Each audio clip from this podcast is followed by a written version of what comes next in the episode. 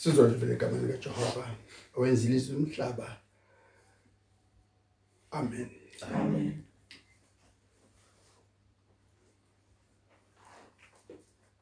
izwi lenkosi namhlanje nasi lithola encwadini kaJohane ivangeli likaJohane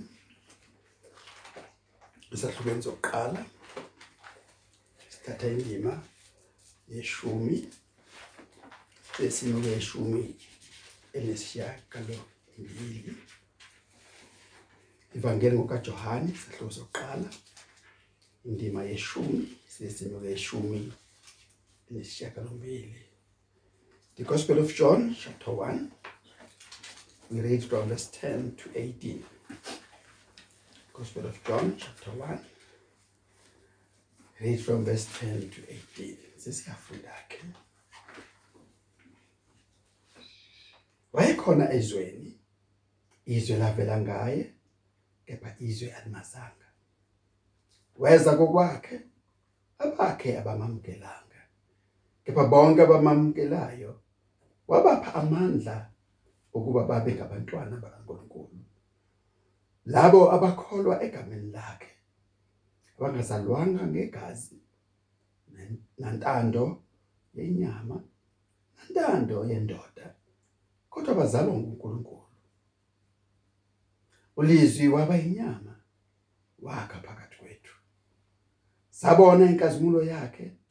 Inkazimulo njengozelwe yedwa kuyise egcwele umusa neqiniso. uJohane wafakaza ngaye wamemeza wathi uke lo ebengisho ngaye ukuthi lo oza emva kwami uvelile ngaphambi kwami. Ngokuba wayekhona uqala kunami. Ngokuba ekugcwaleni kwakhe samkela sonke umusa phezukomusa ngokuba umthetho wanikezwa ngoMose umusa neqiniso kwavela kuJesu Kristu. Akakho ke wabona uNkulunkulu indodana ezelwe yodwa esesifubeni sikayise. Iyona ebonakalisile embonakalisile. Izwi lakho leli somandla siyasithoba kangaka? Vala lesonto ukuthi wena ube nathi khulume izwi lakho usibusise ngalo. Gcwalise enhlizweni zethu usiphe ukuthula kwakho. Khuluma ke intando yakho ngoKristu inkosi. Amen. Amen. Senginibingelele nonke bazalwane egameni lenkosi uJesu. Namhlanje nasi siphethe incwadi kaJohane, ivangeli ngokaJohane. Siyazi ke sonke ukuthi uJohane obhalele ivangeli ungumpostoli kaJesu Kristu. Yilo mfundi okuthiwa uJesu wayemkhonzile. Wayemncane kunabo bonke abafundi and abanye bakubeka lokho kube isizathu sokukhonzwa kwakhe kuJesu. Uma eqala ukukhuluma ubhala uJohane njoba sazi ukuthi ubhale incwadi ezinhlanu igospel leli sikulona kanye nezinye izincwadi ezintathu bese kuba isambulo egcineni uqala ukubhala kube sengathi uthatha indlela kaMose. Ngoba uthi ekuqaleni wayekhona ulizwi lizwi wayekuNkulunkulu lizwi wayenguNkulunkulu. Lelo gama alisebenzisile ukuthi ekuqaleni usebenzisa indlela uMosi akhuluma ngayo uGenesis isahlukweni sokuqala indima yokuqala. Uma ethi eqaleni uNkulunkulu wadala izulu nomhlaba. Ngawe magama ofuna usikhombisa isahluko esisha emva kokuba kukhona isahluko sokuqala sokudalwa and manje ufuna ukusivezela ukuthi emavangelini uNkulunkulu uvula isahluko esisha. Akamvezi uJesu njengomuntu oqhamukayo nje thushu kodwa uthi wayekhona ezweni. Ingakho ethe ekuqaleni wayekhona ulizwi. Ulizwi wayekuNkulunkulu ulizwi wayenguNkulunkulu yena loyo wayekhona kwasekuqaleni. Uma eqhubeka uthi konke kwavela ngaye. Ngaphandle kwakhe akuvelanga lutho la siqale khona ukufunda uthi we wayekhona ezweni. Izwe lavela ngaye. Jesu esikhuluma ngaye akaqhamuki nje kwiTestament elisha kodwa wayekhona ngaphambi kweTestament elisha. Wayekhona ekudalweni wayekhona emaphakadeni. Konke kwavela ngaye. Wayekhona ezweni.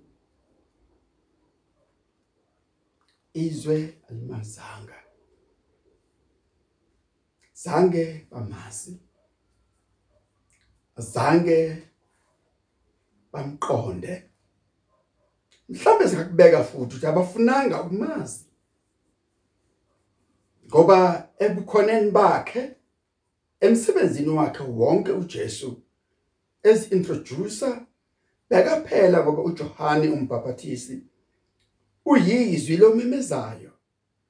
Umemezela ukufika kaJesu umemezela ukuqhamuka kukaJesu umemezela ukukhona kukaJesu uze athi wayekhona ngaphambi kwakhe. Yena ukhona nje umethula phakathi kwesintu lokhu nombhali waleli vangeli ethi wayekhona ezweni. Izwe kodwa alimazanga. Wayekhona ezweni izwe lavela ngaye kepha izwe alimazanga. Lokhu izwe liwumsebenzi wakhe kodwa lakhetha ungamazi kungani ngithi izwe likhethe ungamazi na? Kufana nabantu esiphila kake nabo namhlanje na? Abashunyayeziwe ngezindlela zonke. Ayikho indlela engasetshenziswanga ukusabalalisa izwi likaNkuluNkulu. Ayikho indlela engasetshenziswanga ukuletha umbiko wevangeli. Kodwa abantu bakhetha ungamamukeli uJesu Kristu. Kepha izwe alimazanga. Uza kubantu bakhe. Weza kokwakhe. Uza kubantu abamiselwe yena. Lifuna ukuthini izwi lana? Lifuna ukuthi uze kubantu abakhethiweyo bendlu yakwaJuda kuqala.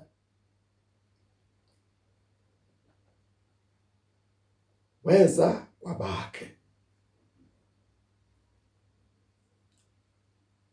Weza kokwakhe. Kodwa abakhe abamamukelanga bajuda bambethela abapriest abakhulu nabafarisi bahlangana bambethela esiphambanweni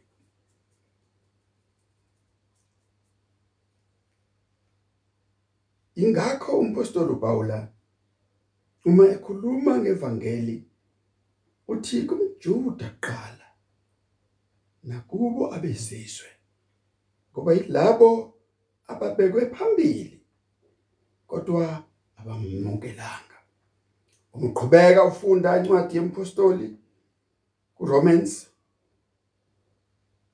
esahlukeni sika 11 Romans 11 uze afune ukubuka amaKristu athi angashesha azishaya isifuba ngokwamukela kwawo uJesu. Kube sengathi amaJuda alahliwe.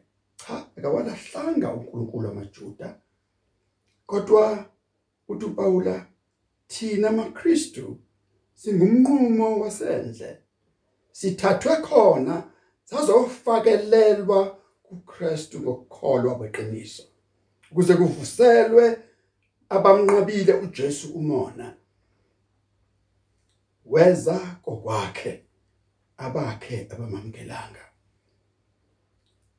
bakhona abayingcosana abambonile engumsindisi njengabafundi bakhe abapostoli bakhe njenge njengedlanzana labajuda elibonile namhlanje na ukuthi uJesu unguKristu lamlandela. Endlebo bantu bathole umusa ngoba lithi iBhayibheli asifunda khona kepha bonke abamamkelayo weza kokwakhe abakhe abamamkelanga kepha bonke abamamkelayo bathole amandla. Amandla abaguqulayo amandla abenza babe ngabantwana bakaNkuluNkulu. Asiqaphele lokhu ukuthi ngaphandle kokumamkela uJesu Kristu inkosi awukwazi kuba umntwana kaNkuluNkulu. Singabantwana bakaNkuluNkulu ngokumamkela uJesu Kristu. Bonke abamamkelayo wabapha amandla okuba babe ngabantwana bakaNkuluNkulu. Labo abakholwa egameni lakhe. Uma uJesu ekhuluma koNicodemus esahlukweni sesithathu Gospel of John chapter 3 uthi uJesu kuNicodemus awukwazi ukungena embusweni kaNkuluNkulu awukwazi ukubona umbuso kaNkuluNkulu ngaphandle kokuba uzalwe kabusha. Ilamandla awashoyo uJesu la ukuthi bonke abamamkelile bathole amandla amandla abashintshile amandla ashintshe imvelo yabo bathola isimo sobuntwana. Ncwadini yabase Roma Romans chapter 12 noma Romans chapter 8 from verse 12 kuthiwa khona verse 15 lokhu singamadodana kaNkuluNkulu uthumile umoya wendodana yakhe omemeza phakathi kwethu ukuthi abaka baba mandla okwenziwa abantwana bakaNkulunkulu. The power of being conceived. We have been conceived njengabantwana bakaNkuluNkulu. Uma sisebenzisa lolo limi lwebiology. Samukelwa njengabantwana bakaNkuluNkulu. Yilamandla umpostoli akhuluma ngayo futhi encwadini yabaseRoma Romans 1 kuverse 16 uma ethi ivangeli 16 and 17 ivangeli ngamandla kaNkuluNkulu kukusindiswa kuloyo naloyo okholwayo. Lamandla amenza umuntu asindiswe. Bathole amandla okubaguqula. Ephesians chapter 2 from verse 1 to 8 uthi umpostoli kuverse 1 and 2 uniphilisile nani? Enanifile neziphambeko zenu. Nangabantwana bolaka njengabo bonke abantu kodwa ngomusa nisindisiwe. Bonke abamamkelayo ubanikeze amandla. Ukuba babe ngabantwana bakaNkulunkulu. Amandla aqede ulaka kaNkuluNkulu. Azisebona abantwana bolaka. Asabona abantwana bokulahlwa. Asabona abantwana behlazo. Kodwa simadodana namadodakazi kaNkuluNkulu. Ngokumamkela ngokumamkela ukwamkela inkosi uJesu wenziwa umntwana kaNkuluNkulu. Ngokumnqaba uJesu Kristu ulahlwa ingunaphakade. Bonke abamamkelayo batholile lesibusiso sokuthi babalwe njengamadodakazi namadodana asezulwini. Ncwadi namaHebheru iBhayibheli sifundisa ukuthi akanamahloni okusibiza ukuthi ngabafowabo. Akazenyezi ngathi uma simamkele lokho kusho umpostoli kwabaseKolose Colossians chapter 2 verse 6 7 8 uma ethi uma nimamkele Jesu Kristu inkosi hambani kuye hambani kuye hambani kuye nigxilile ivame nokubonga. Bonke abamamkelayo bathola ukuzalwa kabusha. Uze athi uJohane isahlukene sesithathu Gospel of John chapter 3 athi kuzelwe inyama kuyinyama ukuzelwa umoya kungumoya weza kokwakhe abakhe abamamkelanga kodwa labo abamamkelile njengenkosi nomsindisi wabo ubaphe amandla ukuba babe ngabantwana bakaNkulunkulu. Laba bakholwa egameni lakhe. Laba bakholwa egameni lakhe. Lokho kwenzeki ngamandla omuntu. Akwenzeki ngoba wazana nomuntu othile.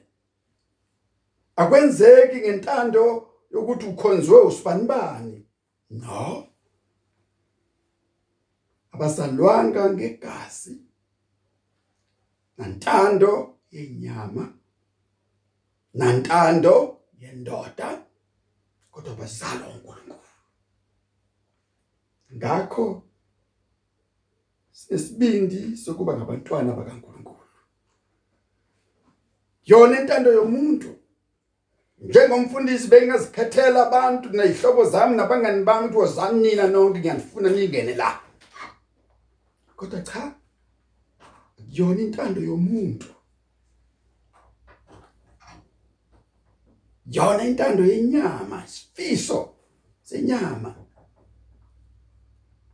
Kodwa azalwa uNkulunkulu zalwa ngomoya zalwa ngezwi zalwa ngamanzi.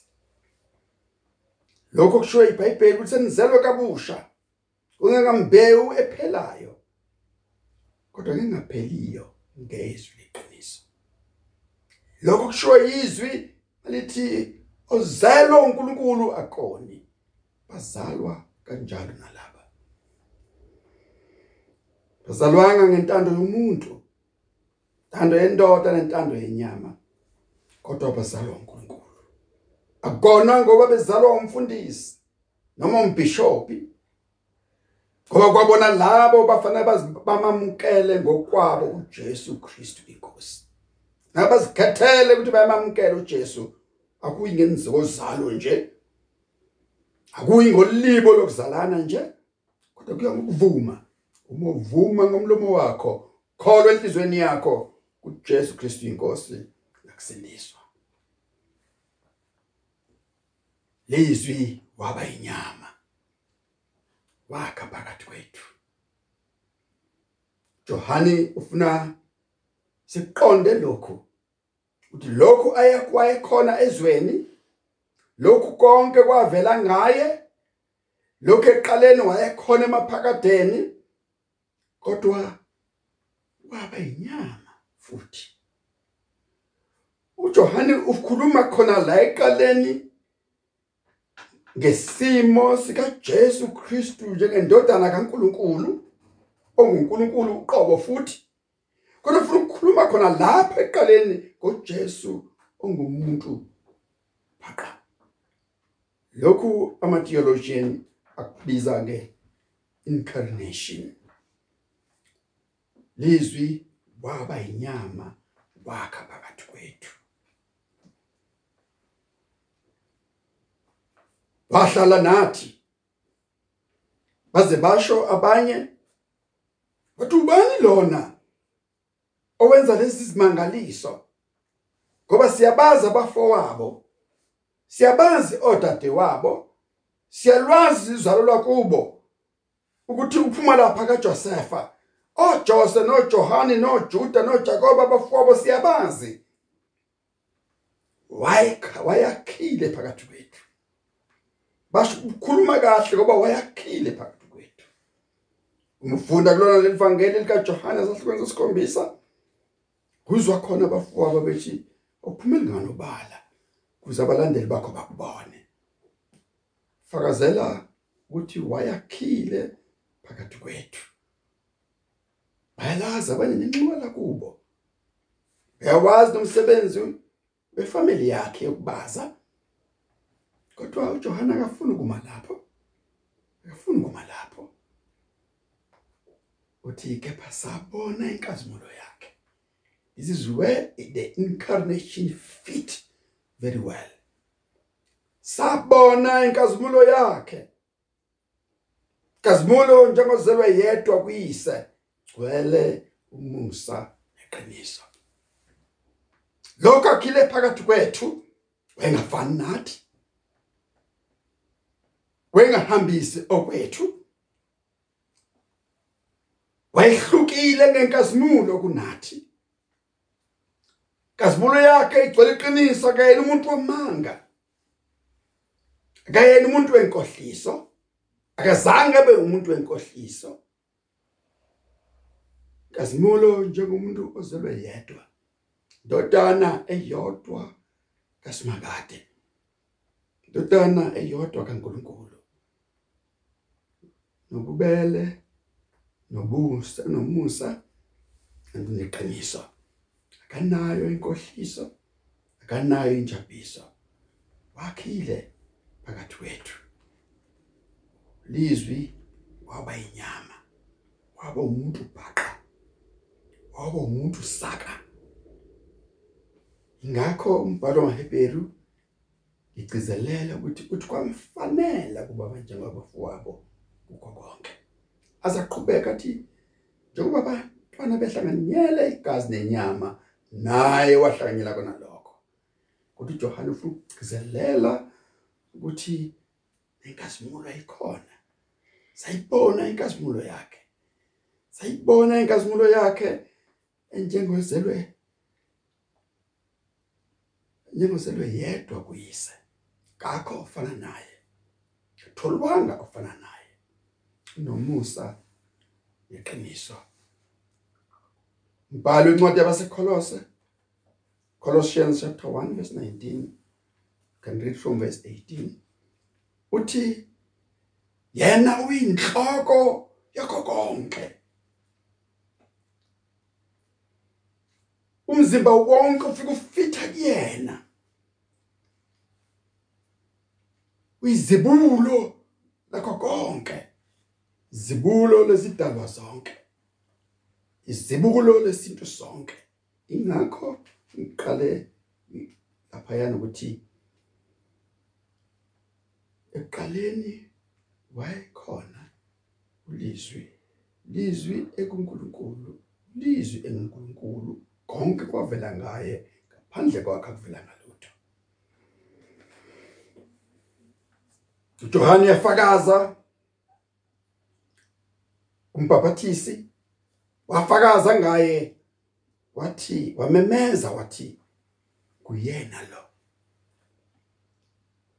Kuyena lona ebengisho ngaye ukuthi loyo oza emva kwami uvele ngaphambi kwami. Lona ngimthula kunina akamusha. Akayena nje umuntu ovela esikhaleni. Wayekhona emaphakadeni. Velile ngaphambili ngokuba wayekhona kuqala kunami. Wayekhona kuqala kunami.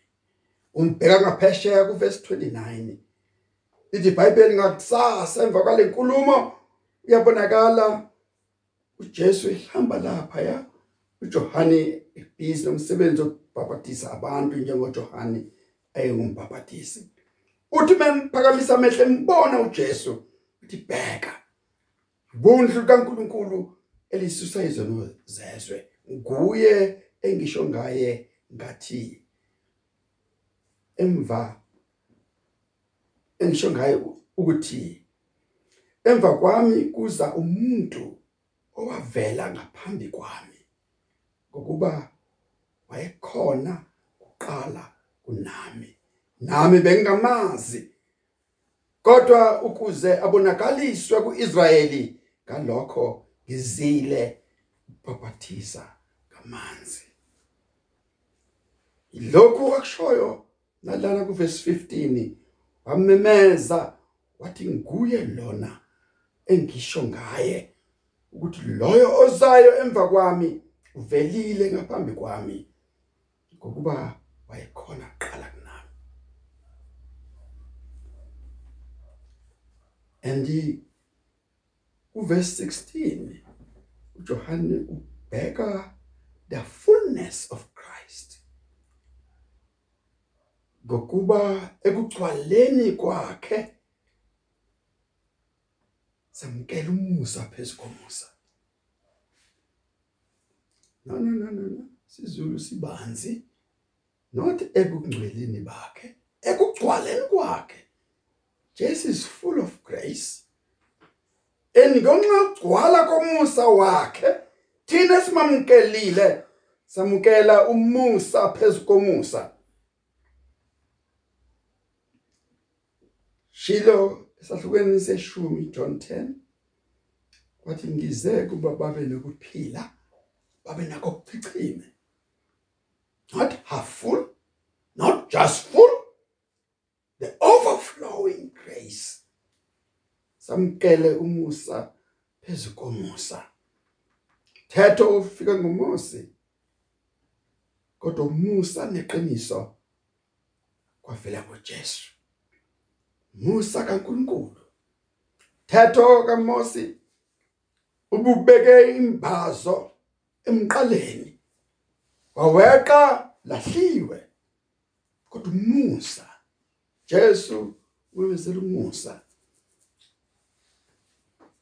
kodwa liqiniso qiniso liyakungikhulula qiniso niyakulazi why kukhona liqiniso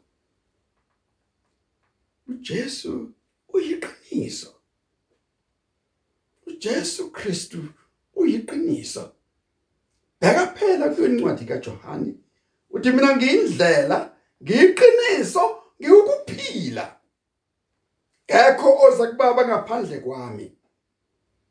Uyiqiniso ingakho uPilatu edideka. Uma uJesu phambi kaPilatu ngensuku zokugcina ezobethelwa esebethelwa uthi uJesu uthi uPlato ngitshele ukuthi laba bakumangalelayo bathini usifakazela ngani? Liyi iqiliyini iqiniso? Iqiniso lento isho abayishoyo. Latu yadideka uma uJesu ethi usho khona. Uthi uPlato liyini iqiniso? He didn't understand the actual truth. Is standing right there before him. Iqiniso elinguJesu lalimi phambi kaPlato. Thetho wavela kuMose. Kodwa umusa leqiniso kwavela ngoKristu.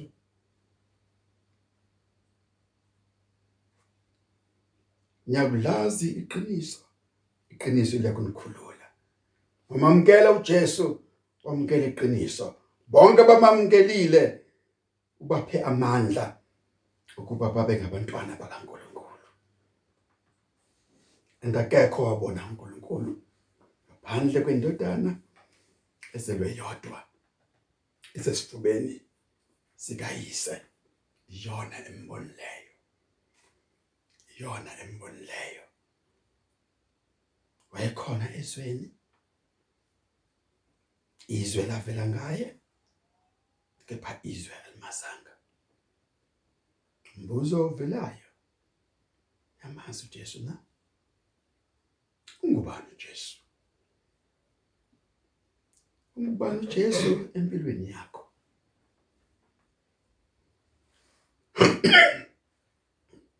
Uma umbona eyindodana kaNkuluNkulu. Umamukele na? Uma noma umbona njengomlungu mbona njengomjuda na? Uma umbona ngaleyo ndlela maye kuwe. Kodwa ngithanda ukuthi kweluleke mhlobo wami ukuba umbheke njengomsindisi mamkele njengenkosi nomsindisi wakho. Ngoba kukhona ukusizakala kulokhu. Bonke abamamkelile bathola amandla okuthethelelwa kwezono amandla okunqoba ukulahlwa. Amandla okunqoba izikhubekiso nezono zemindeni yabo ezizigidigidi. Amandla okukhululwa emvelweni nasemikhubeni yakini. Nalezo zinto okuthi umuntu ufuze zona zekuma jeans akhe zokona. Kodwa uma umamkela uJesu Kristu inkosi thola amandla okuzalwa kabusha. Bonke abamamkelile bathola isibusiso ingakho ngithi umbona kanjani? Umunye uyahlabelela ngiyamuzwa esholo kude. Ethi nxa umbheka uJesu bonga bonga bonga umsa wakhe. Bese uhlabelela umbheka uJesu ubonani na? Ngiyaphinda ngithi uma umbheka uJesu ubonani? Bona umlungu na? Bona iJuda na? Noma ubona uKristu Mesiya othenjisiweyo umsindisi womhlaba. Uma ubona lokho amkele phela. Mamkele ukuze usindiswe ukuze ungalahlwa ukuze thole ukuphila okuphakade. Yilokhu okwenza indoda ecebileyo enguNicodemus ukuthi cathame ebusuku. Iya kuyena ithi siyazi ukuthi ngumfundisi ovela kuNkulunkulu. Siyazi. Lokho kwenza uNicodemus sebemphika bonke abantu ahambe utholela amaqiniso kuJesu. Ngele lizwi wabe inyama wakha phakathi wethu bengizothi ke manje sengigcina makakhe uJesu enhlizweni yakho. Nike indawo uJesu empilweni yakho. Ashaya umthetho kuyo yonke impilo yakho. Shaya umthetho engqondweni yakho. Ashaya imithetho kuyo yonke imizwa yakho. Ekunika ukuthi ungabi nakuthula. Mizwa ekuthumbela emuva. Mizwa ekudonsela ezonweni. Mizwa ekwenza ukuthi ungakhululeki enkonzweni. Ungakhululeki phakathi kwabazalwane. Akakhe uJesu empilweni yakho. Bonke abamamkelayo baguquliwe. Bathole amandla ukuba babe ngabantwana bakaNkulunkulu. Abanye kwakuthiwa izilahlo zaphakade. Akabanye kwakuthiwa ngeke babone lutho. Kodwa ukumamkela